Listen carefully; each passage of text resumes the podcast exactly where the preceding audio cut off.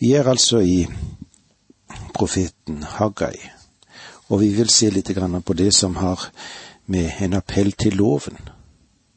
Og vi leser versene 10 til 13 i det andre kapitlet her i profeten Haggai. Den 24. dagen i den niende måneden, i det andre regjeringsåret til Darius, kom Herrens ord til profeten Haggai. Så sier Herren allers Gud, spør hva prestene lærer om dette. Om noen bærer hellig kjøtt i kappefliken, og fliken kommer borti brød eller kokt mat eller vin eller olje eller annen mat, blir da dette hellig? Prestene svarte nei.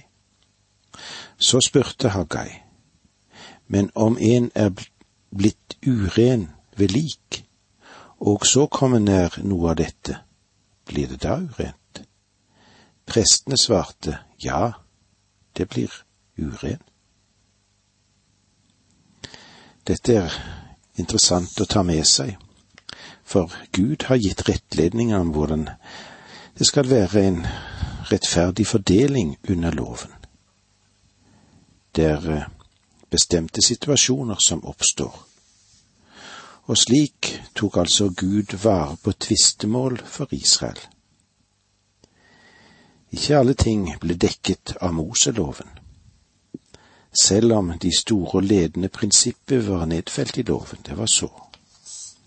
Prestene måtte kjenne godt til Det gamle testamentet. Og så når en sak dukket opp som det ikke var dekning for spesielt i lovteksten, så skulle folket ta frem saken for prestene, og deres avgjørelse skulle være bestemmende. Og prestene ville da tolke Moseloven for folket ifølge de store og grunnleggende prinsippene som Guds ord inneholdt. Forklaringen av prinsippet Vi skal være klar over at Haggais bok er kommet til etter fangenskapsperioden. Guds folk har allerede tilbrakt 70 år i fangenskap i Babylon. Bare en liten rest hadde vendt tilbake til landet. Og disse menneskene, de var motløse. Gud oppreiste tre profeter for å oppmuntre dem, og siden Haggai var den mest praktiske profet, så sendte Gud ham til prestene for å stille to spørsmål som ikke spesifikt ble dekket av Moseloven. Husk at da de frigitte fangene først vendte tilbake til Jerusalem, var de full av entusiasme, og de begynte med byggearbeid. Men etter 15 år i ruinene, som var i Jerusalem, og med fiender som omga de, hadde ikke gjort noe med spørsmålet som hadde med å gjenreise tempelet. De trøste seg selv i en slik situasjon der de hadde mistet sitt pågangsmot og sank ned i likegyldighet ved å si Det er ikke noe tid til å bygge Herrens hus. Og derfor gjorde de ikke noe med den saken. Det var i denne situasjonen at Haggai talte. Han oppmuntret folket.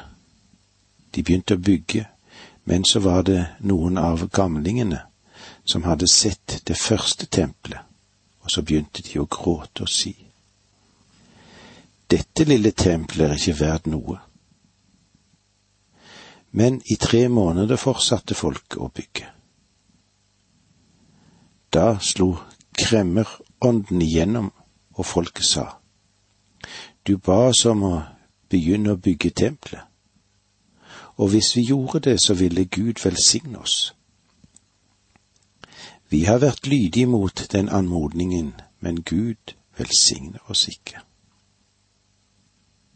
Og det var ved dette kritiske punkt at Gud sendte Haggai til prestene med et dobbelt spørsmål. Egentlig så er det et spørsmål sett fra to vinkler. Og her er de spørsmål han ga, og de svar han fikk. Blir hellighet formidlet gjennom kontakt? Nei, er svaret. Det hellige kan ikke gjøre det vanhellige hellig gjennom kontakt. Hellighet er ikke et kommunikasjonsspørsmål. Blir da det vanhellige formidlet ved kontakt? Ja, er svaret. Det urene blir formidlet, overført til det rene ved kontakt. Når hellig og vanhellig kommer i kontakt, blir begge vanhellige. På det fysiske felt er det slik at skittvann vil misfarge rent vann, og ikke motsatt. På det moralske felt er det slik at menneskets onde hjerte ikke kan gjøre gode gjerninger. Men på det religiøse felt er det slik at en seremoni ikke kan rense en synder. For å se hvordan Gud anvinner dette prinsippet på Israel, må vi bevege oss frem til Haggai, og da går vi til vers 17 i det andre kapitlet. Jeg slo dere med kornbrann og rust, med hagl overalt deres arbeid, men ingen av dere kom til meg, lyder ordet fra Herren. Gud sier at da resten av folket vendte tilbake til landet, da vendte de seg ikke til ham. De gikk gjennom de gamle ritualene. De brakte sine offer, og de forventet at Gud skulle velsigne dem, men det gjorde han ikke. Du forstår at religion er ikke en salve du kan gni inn fra utsiden. Dere kan svømme i hellig vann, men det gjør ikke dere hellige. Dere kan gå gjennom ritualer, og jeg er ikke interessert i å tale ille om den, men det vil ikke gjøre dere hellige. Du kan gå gjennom et ritual. Du kan døpes enten som barn eller som voksen, men lite vann eller med overveldende mye vann, og holdes under til du nesten holder på å drukne. Det gjør deg ikke automatisk til et Guds barn. Nå og da kan vi legge for mye vekt på de hellige handlinger. Nå må du ikke misforstå meg. Jeg vet at dåpen er viktig, men den gir ingen automatikk i hellighet. Den innebærer ingen automatisk forandring i et menneskehjerte. La oss nå se på det andre spørsmålet igjen. Hvis en som er uren ved å ha berørt et dødt legeme, rører ved noe, blir det da urent? Og prestene ga dette svaret det skal være urent. Kanskje det avsnittet som klarest behandler dette spørsmålet, er Tredje Mosebok kapittel 22 versene fire til seks. Guds ord er helt presist. Urenhet kan overføres. Vanhellighet er overførbart. Et ondt hjerte gjør ikke gode gjerninger. En bitter kilde kan ikke gi noe godt vann. Du sanker ikke druer fra tårnebusker. Fikener kommer ikke fra tistler. Det er en syllogisme i filosofien der du finner en, et hovedpremiss, det vil si en hovedforutsetning. Deretter et underordnet premiss, og deretter trekker en konklusjon. I Haggais bok er hovedsetningen dette. Hellighet kan ikke kommuniseres, det vil si overføres. Den neste tesen er dette, vanhellighet kan overføres. Konklusjonen er at når det hellige og det vanhellige kommer i forbindelse med hverandre, blir begge vanhellige. Den Herre Jesus Kristus stilte spørsmålet kan et fikentre bære oliven? Som et menneske tenker i sitt hjerte, slik er det. En handling eller et ritual kan ikke forandre hjertet. En god gjerning blir faktisk ond når et ondt hjerte gjør den. Og dette kan anvendes på alle faser av livet. På samme måte som gravitasjonsloven. Den er universell. La oss nå tenke oss at vi tar en tur i et kjemisk laboratorium. Jeg fyller opp to kolber, store kolber med vann. Den ene fyller jeg med godt, klart, rent vann, og den andre fyller jeg med det skitneste vannet jeg kan finne. Jeg begynner å tømme det rene vannet over i det urene vannet. Hvor lenge vil jeg måtte tømme rent vann i det skitne vannet før det blir rent? Jeg vil aldri makte å gjøre det skitne vannet rent ved å tømme rent vann over i det. Hva skjer når jeg heller bare en dråpe av skittent, forurenset vann over i det rene vannet? Det rene vannet blir urent. Slik er det også med den materielle verden. Vi er i det andre kapitlet og det siste kapitlet, og vi ser hvordan en appell til loven blir til, og hvordan vi som mennesker kan få oppleve hva som er rent og hva som er urent. For å få med oss det vi var innom sist, så leser vi igjen sammen versene 10 til 13 i det andre kapitlet. Den 24. dagen i den niende måneden, i det andre regjeringsåret til Darius, kom Herrens ord til profeten Hagai, og det lød. Så sier Herren, allers Gud, spør hva prestene lærer om dette. Om noen bærer hellig kjøtt i kappefliken, og fliken kommer borti brød eller kokt mat eller vin eller olje eller annen mat, blir da dette hellig? Prestene svarte nei. Så spurte Hagai, men om en er blitt uren ved lik, og så kommer nær noe av dette, blir det da urent? Prestene svarte, ja, det blir urent. Det er eh, noen interessante sider vi får med oss her i det vi er innom. Og eh, vi berørte forskjellige ting da vi var sammen sist. Og eh, spørsmålet er, hvis en som er uren ved å ha berørt et dødt legeme og røre ved noe, blir det da urent? Og prestene ga svaret, det skal være urent. Og så var vi innom et kjemisk laboratorium. Og så i den medisinske verden. Hvordan helbreder du meslinger? Og hvordan får du meslinger?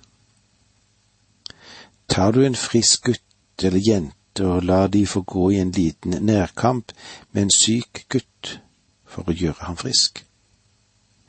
Vil det helbrede gutten med meslingene? Selvfølgelig ikke. Hva hender? De som var friske, vil mest sannsynligvis få meslingene.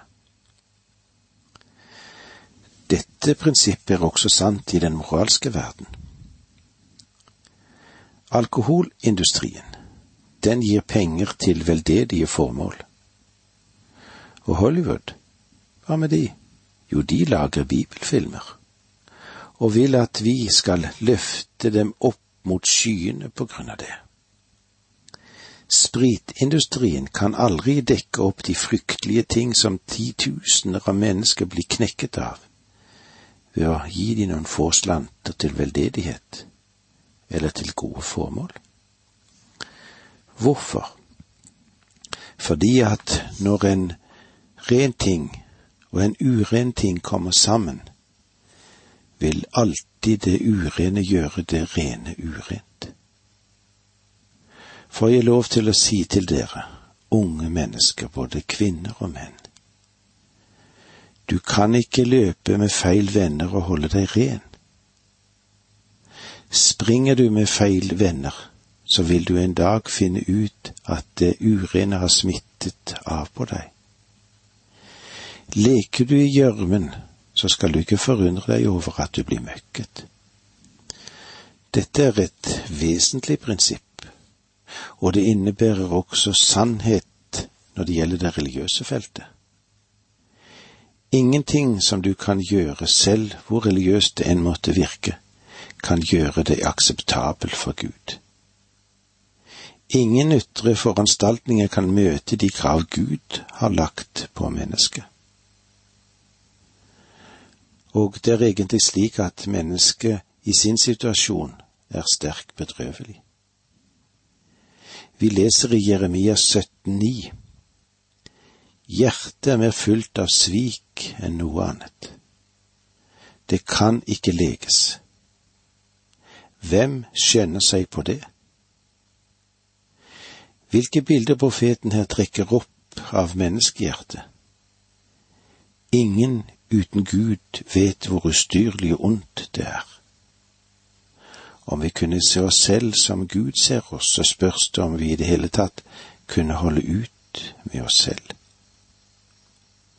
Vi er ikke alltid klar over hvordan stillingen egentlig er. Jesus, han gjorde dette tindrende klart når han sa det slik i Matteus 15. Men det som går ut av munnen, kommer fra menneskets hjerte, og det gjør mennesket urent. For fra hjertet kommer onde tanker, mord, ekteskapsbrudd, hor, tyveri, falsk vitnesbyrd, spott. Slik er det som gjør mennesket urent. Men å spise med uvaskede hender gjør ikke et menneske urent.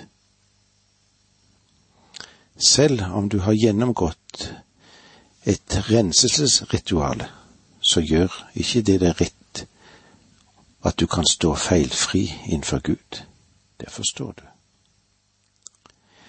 Shakespeare har sett det når han beskrev Lady Beckbeth, som gikk i søvne, og skrapte den ene hånden sin idet hun roper, Ut, du fordømte flekk, ut, sier jeg.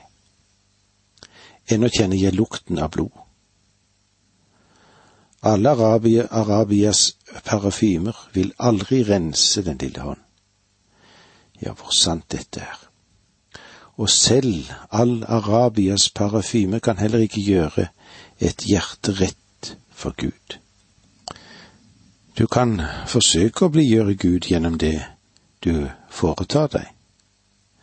Det er som å tømme en liter Channel nummer fem over en komposthaug, det for at den skal bli renset og velduftende. Det vil aldri fungere.